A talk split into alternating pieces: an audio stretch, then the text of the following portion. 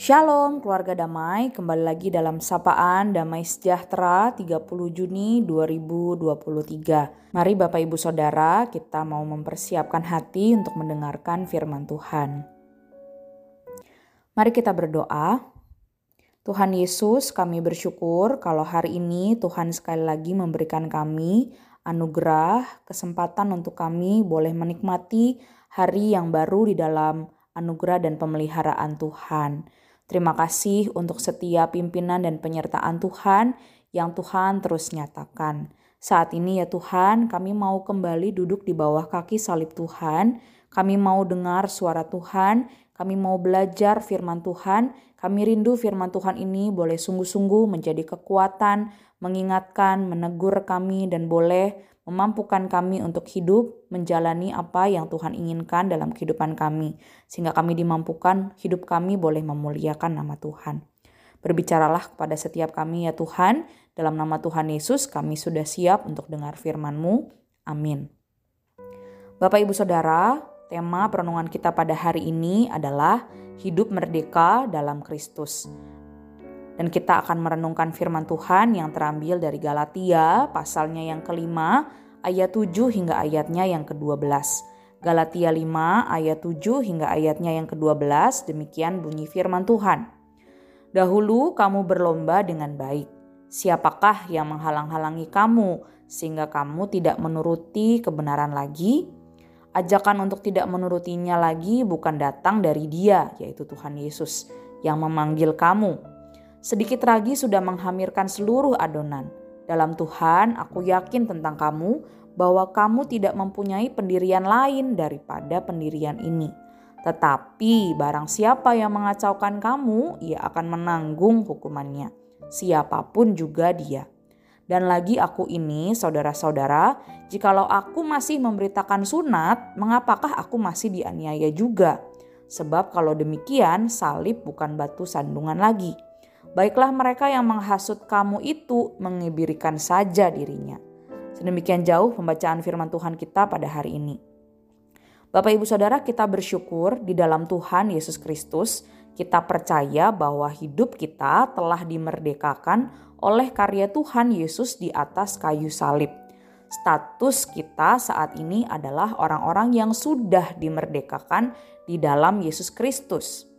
Tetapi Bapak Ibu Saudara, sering kali ketika kita hidup di dalam status merdeka, kita masih hidup terbelenggu oleh hal-hal yang tidak sesuai dengan Injil kebenaran Yesus Kristus yang sudah memerdekakan. Seringkali kita masih hidup di bawah tuntutan hukum dan tradisi, nilai-nilai, ajaran yang mungkin kita bawa dari keluarga kita, dari daerah asal kita, dari ajaran atau bahkan mitos yang sudah dipercayai turun-temurun, yang kalau tidak dilakukan tidak pas rasanya.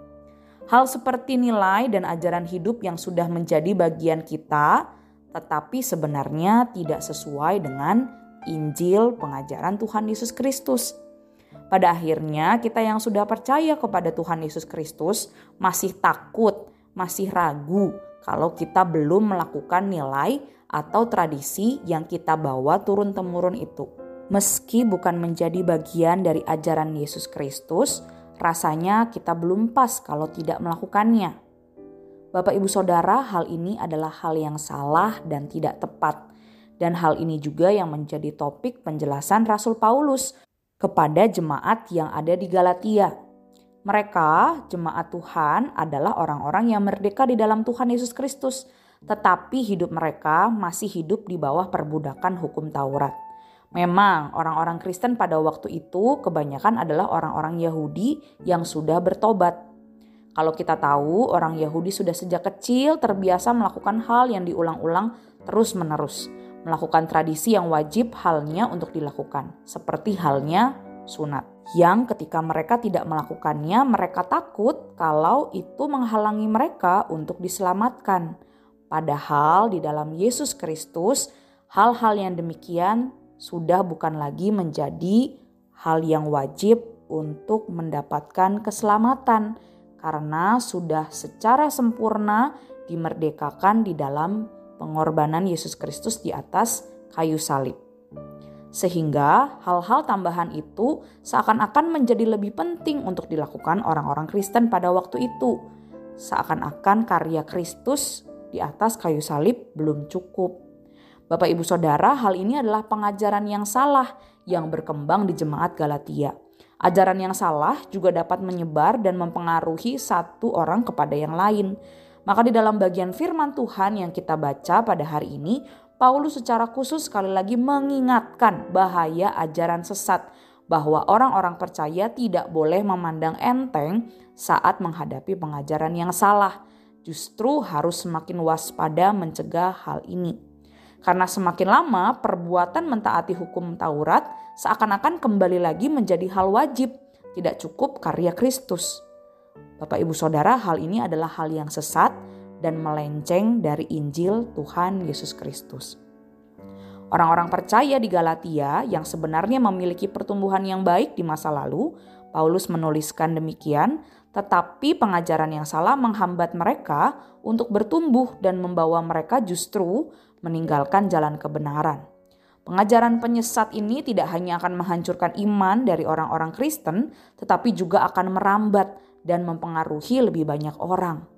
Pengajaran yang salah juga dapat menyebar dalam kelompok orang yang percaya dan dampaknya akan besar. Oleh karena itu, Paulus berulang kali mencela masalah ini, serta dengan keras menunjukkan para pengajar ajaran palsu bahwa mereka akan menghadapi konsekuensi yang mengerikan. Ketika orang yang akan mengacaukan, dia akan menanggung hukumannya.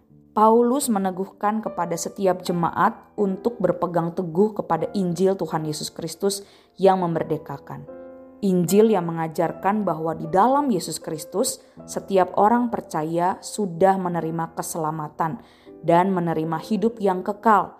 Ketika mereka percaya kepada Tuhan, hidup mereka telah dimerdekakan. Tidak perlu ada lagi perbuatan yang dilakukan untuk membuat mereka menjadi selamat. Dan yang perlu dilakukan jemaat bukanlah ritual yang dilakukan hanya secara fisik, tetapi jemaat perlu terus memberi diri untuk diubahkan oleh Roh Kudus agar semakin hari disempurnakan seperti Kristus. Itulah perubahan hidup yang perlu terus diperhatikan oleh setiap orang percaya, bukan hanya sibuk melakukan ritual fisik, tetapi justru memberikan diri hari demi hari diubahkan oleh Injil, melakukan firman Tuhan di dalam kehidupan sehari-hari dan melakukan hukum kasih yang Tuhan sudah ajarkan. Bapak Ibu Saudara firman Tuhan hari ini mengajarkan kita untuk merenungkan hidup kita. Apakah selama ini kita lebih sibuk untuk melakukan hal-hal fisik yang seakan-akan menambah kemerdekaan dan karya Kristus yang telah diberikan. Oh saya harus pelayanan, oh saya harus sibuk ini dan itu. Tetapi kita tidak pernah memberi waktu dan diri kita untuk belajar firman Tuhan tidak memberi waktu dan diri kita diubahkan oleh Roh Kudus, tidak memberi diri untuk melakukan firman Tuhan di dalam kehidupan sehari-hari. Bapak, ibu, saudara, firman Tuhan hari ini mengingatkan kita untuk hidup di dalam kemerdekaan itu, yaitu memberi diri kepada Roh Kudus untuk terus dibentuk dan disempurnakan di dalam kebenaran Injil Firman Tuhan. Bapak, ibu, saudara, kiranya kasih karunia Tuhan Yesus Kristus yang sudah sempurna di atas kayu salib itu memampukan kita untuk hidup menikmati kasih karunia-Nya dan hidup sebagai anak-anak Tuhan yang memberi diri semakin hari semakin diubahkan dan menghidupi Injil Tuhan dalam kehidupan kita sehari-hari. Mari Bapak Ibu Saudara kita merenungkan firman Tuhan ini, kita berdoa bersama-sama. Tuhan Yesus kami bersyukur untuk anugerah keselamatan yang Tuhan berikan buat setiap kami. Kami bersyukur untuk kemerdekaan yang Tuhan berikan kepada kami bahwa kami tidak lagi hidup di bawah belenggu dosa, kami tidak lagi hidup di bawah segala aturan apa pun, tetapi kami hidup sebagai anak-anak Tuhan yang sudah dimerdekakan.